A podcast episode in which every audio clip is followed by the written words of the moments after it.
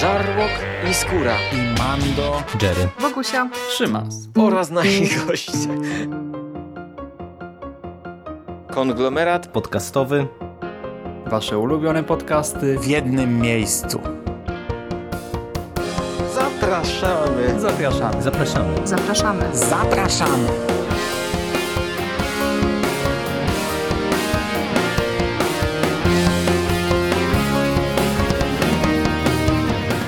Witam w konglomeracie podcastowym, czyli na platformie, która zbiera wszystkie Wasze ulubione podcasty w jednym miejscu. Po tej stronie mikrofonu Szymon Szymaś-Cieśliński. Cześć i dzisiaj opowiem Wam o pierwszym tomie komiksu Ultimate Spider-Man. Ultimate Spider-Man to pierwszy tytuł z imprintu Marvel Ultimate, który to pojawił się w Stanach na amerykańskim rynku wydawniczym e, w roku 2000. To były e, no nie najlepsze czasy dla rynku komiksowego. Ogólnie generowano spadki zysku, spadki sprzedaży, ale akurat DC się miało wtedy nie najgorzej. To też było po premierach filmów z Batmanem, a Marvel no, zmagał się ze sporymi kłopotami finansowymi. Sprzedaż właśnie spadała, brakowało e, też haczyka na nowych odbiorców, na nowe pokolenia fanów i tutaj problemem były między innymi tak, to, to kontinuum, tak, ta ciągłość poszczególnych serii, e, która najzwyczajniej w świecie odpychała mm, świeżo upieczonych geeków. E, no wiecie, no trudno było to śledzić, tak samo jak dzisiaj patrzymy na to, że któraś tam seria ma 500 numerów, no i się zastanawiamy, no jak ja mam to przeczytać. Nawet jeżeli teraz jeszcze mamy e, te możliwości dostępu cyfrowego do poszczególnych zeszytów, tak e, nadal to jest no, problematyczne. E, są te wszystkie poradniki, w jakiej kolejności coś czytać, co można pominąć, co jest istotne, które crossovery są ważne i tak dalej, no ale e, to nie jest taka prosta sprawa, no i wtedy też sytuacja nie wyglądała dużo lepiej, do tego też ci bohaterowie stworzeni 30, 40, 50 lat wcześniej, e, no czasem ich kostiumy wyglądały to czasem origin był do bani, niektóre ksywki wzbudzały już wtedy śmiech politowania, no i trzeba było coś z tym zrobić. Stworzono ten nowy imprint i zatrudniono e, do stworzenia pierwszego tytułu z serii Briana Michaela Bendisa – to Bendis miał napisać scenariusz Ultimate Spidermana i on e, dosłownie rok temu udzielił wywiadu dla Vulture i New York Magazine, w którym Stwierdza, tutaj cytuję, że gdy został zatrudniony, to dosłownie myślał, że będzie pracował nad jednym z ostatnich, jeżeli nie ostatnim komiksem Marvela. Śmiesznie się to czyta z tej perspektywy. Zresztą on też właśnie mówi o tym zdziwieniu, e, no bo wtedy te czasy wyglądały zupełnie inaczej. E, teraz właśnie Marvel jest potęgą Wtedy wydawało się, że zaraz upadnie, no ale tak się nie stało, nie? Ten nowy pajączek, nowa odsłona Ultimate została przyjęta bardzo ciepło, to był tak naprawdę strzał w dziesiątkę. I teraz tylko pozostaje pytanie, czy to nadal jest takie ciekawe, takie atrakcyjne jak w roku 2000, no bo jednak minęło 18 lat. Egmont wydaje to u nas y, dopiero teraz w całości. Mówię w całości, bo Ultimate Spider-Man już się u nas ukazywał. Y, jakiś czas temu był dostępny w formie zeszytowej, i też e, w 25. tomie wielkiej kolekcji komiksów Marvela e, dostaliśmy pierwsze 7 zeszytów. Mm, mówię o kolekcji od Hachette oczywiście. No ale teraz dostaliśmy dopiero no, większą całość. W maju ukazał się tom pierwszy zbiorczy. I on zawiera 13 zeszytów, we wrześniu ukazał się tom drugi e, z 14 kolejnymi zeszytami, no i zaraz pojawią się też następne. No i dzisiaj skupimy się na tomie pierwszym, historia tutaj opowiedziana no jest nam raczej wszystkim y, dobrze znana. Wychowany przez ciocię i wuja nastolatek, właściwie wychowany, wychowywany przez ciocię i wuja nastolatek Peter Parker y, zostaje ugryziony przez zmodyfikowanego genetycznie pająka stworzonego na zlecenie y, Normana Osborna.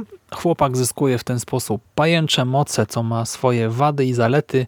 W końcu z wielką mocą wiąże się wielka odpowiedzialność i my obserwujemy jego przygody. Obserwujemy genezę Spidermana z jednej strony, a z drugiej podwójne życie Petera. Więc e, po pierwsze to powolne testowanie pajęczych mocy, a po drugie codzienne życie nastolatka. Naukę, sport, e, randki, e, spotkania z Mary Jane Watson, pierwszą pracę zarobkową, nie wiem, problemy z silniejszymi kolegami, e, spóźnianie się na zajęcia i tak dalej, i tak dalej. Nie zabraknie tutaj różnych ikonicznych scen typu, nie wiem, epizod wrestlerski, śmierć wuja Bena, narodziny Zielonego Goblina i tak dalej. No i w związku z tym, że My kojarzymy te sekwencje, te sceny, e, tę genezę, e, no to ktoś mógłby powiedzieć, że Ultimate Spider-Man to pewnie odgrzewany kotlet, albo zapytać, tak? Tak jest? Czy to jest odgrzewany kotlet? Hmm, no nie do końca. To jest bardzo podobny kotlet, pozostając może przy tej metaforze kulinarnej powiem, że Bendis e, wykorzystuje recepturę, wykorzystuje przepis Stana Lee i Steve'a Ditko, ale jednocześnie odrobinę go modyfikuje. Przede wszystkim widać, że komiks powstał dużo później i uwzględnia e, tę rzeczywistość z przełomu tysiąclecia.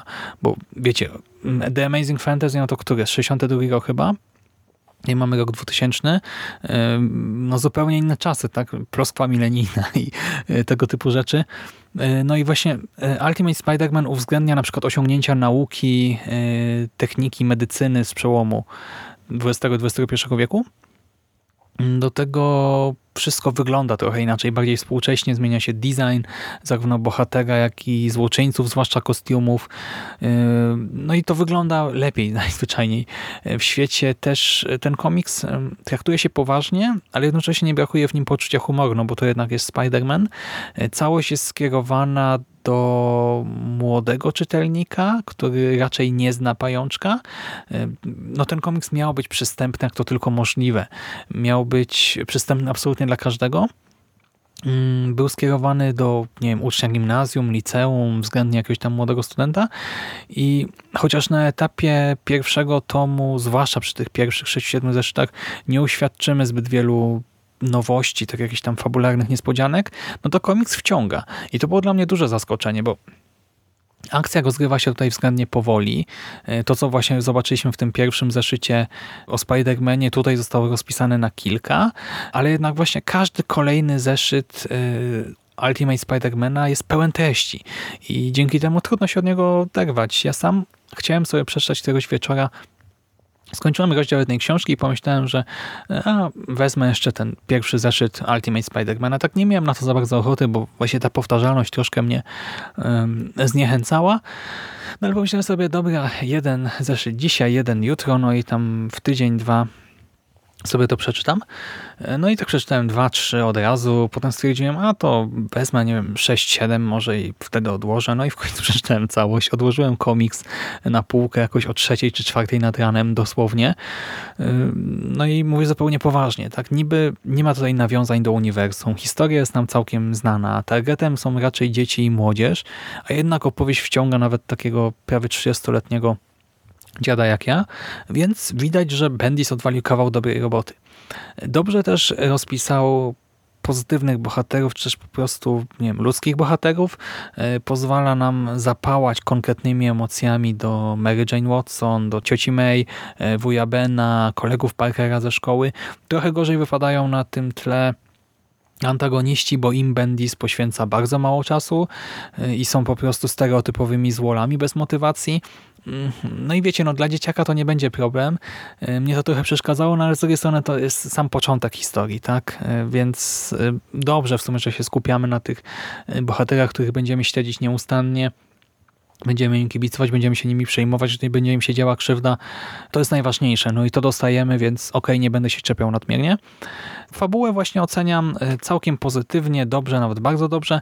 Trochę gorzej tutaj wypada oprawa graficzna. Za ilustrację odpowiada Mark Berley, który dobrze radzi sobie ze scenami dynamicznymi, nawet bardzo dobrze. Mm, sprawnie rysuje Spidermana czy złoczyńców. Postacie w kostiumach wyglądają tutaj naprawdę świetnie, ale niestety Mark Berley nierzadko zawodzi przy rysowaniu twarzy.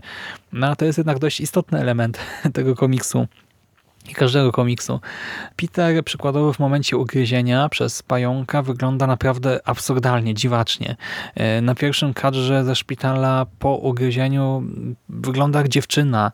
E, podobnie w momencie, gdy udaje mu się ukończyć formułę sztucznej sieci, to też jego ciało wygląda jakoś absurdalnie. Tak samo e, zmienia się troszkę jego wygląd tutaj e, na początku, a że może to jest też celowe, bo rzeczywiście e, raczej w tych początkowych sekwencjach, w pierwszym zaszycie, może jeszcze w drugim wygląda jak Harry Potter bardziej, nawet się z- m, śmiałem, że no gdyby nie to, że Harry Potter film powstał rok później, no to bym tutaj mówił o jakimś plagiacie chyba. Mm, A potem znowu wydaje się na niektórych kadrach, jakby było 10 lat starszy.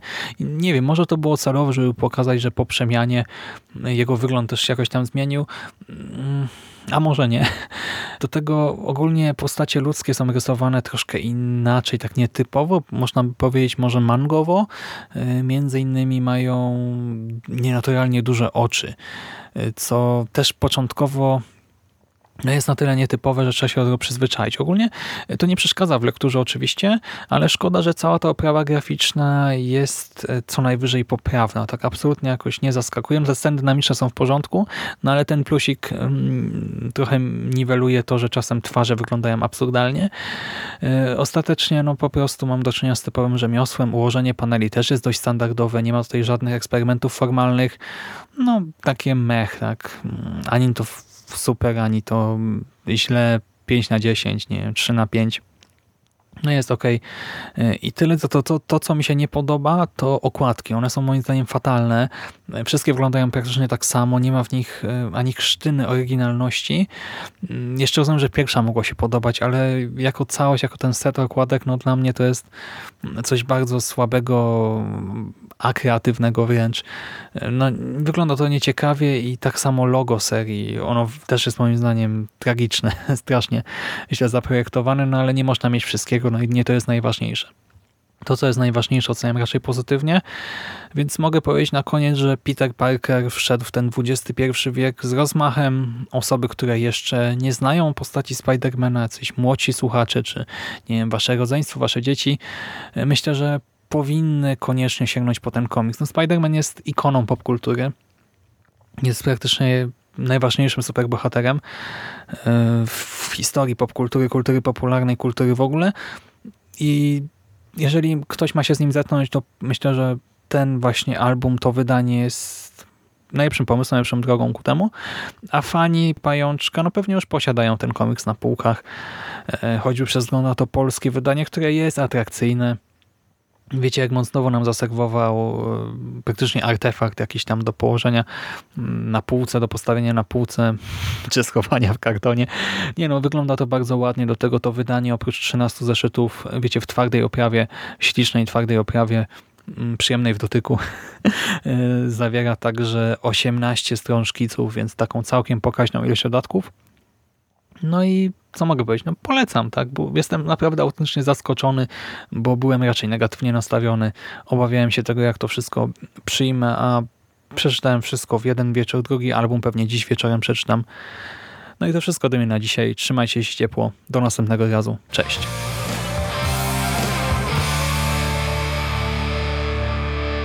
You finished? That's it, man. It's game over, man. It's game over. What the fuck are we gonna do now? What are we gonna do? It's over. Nothing is over! Nothing! You just don't turn it off!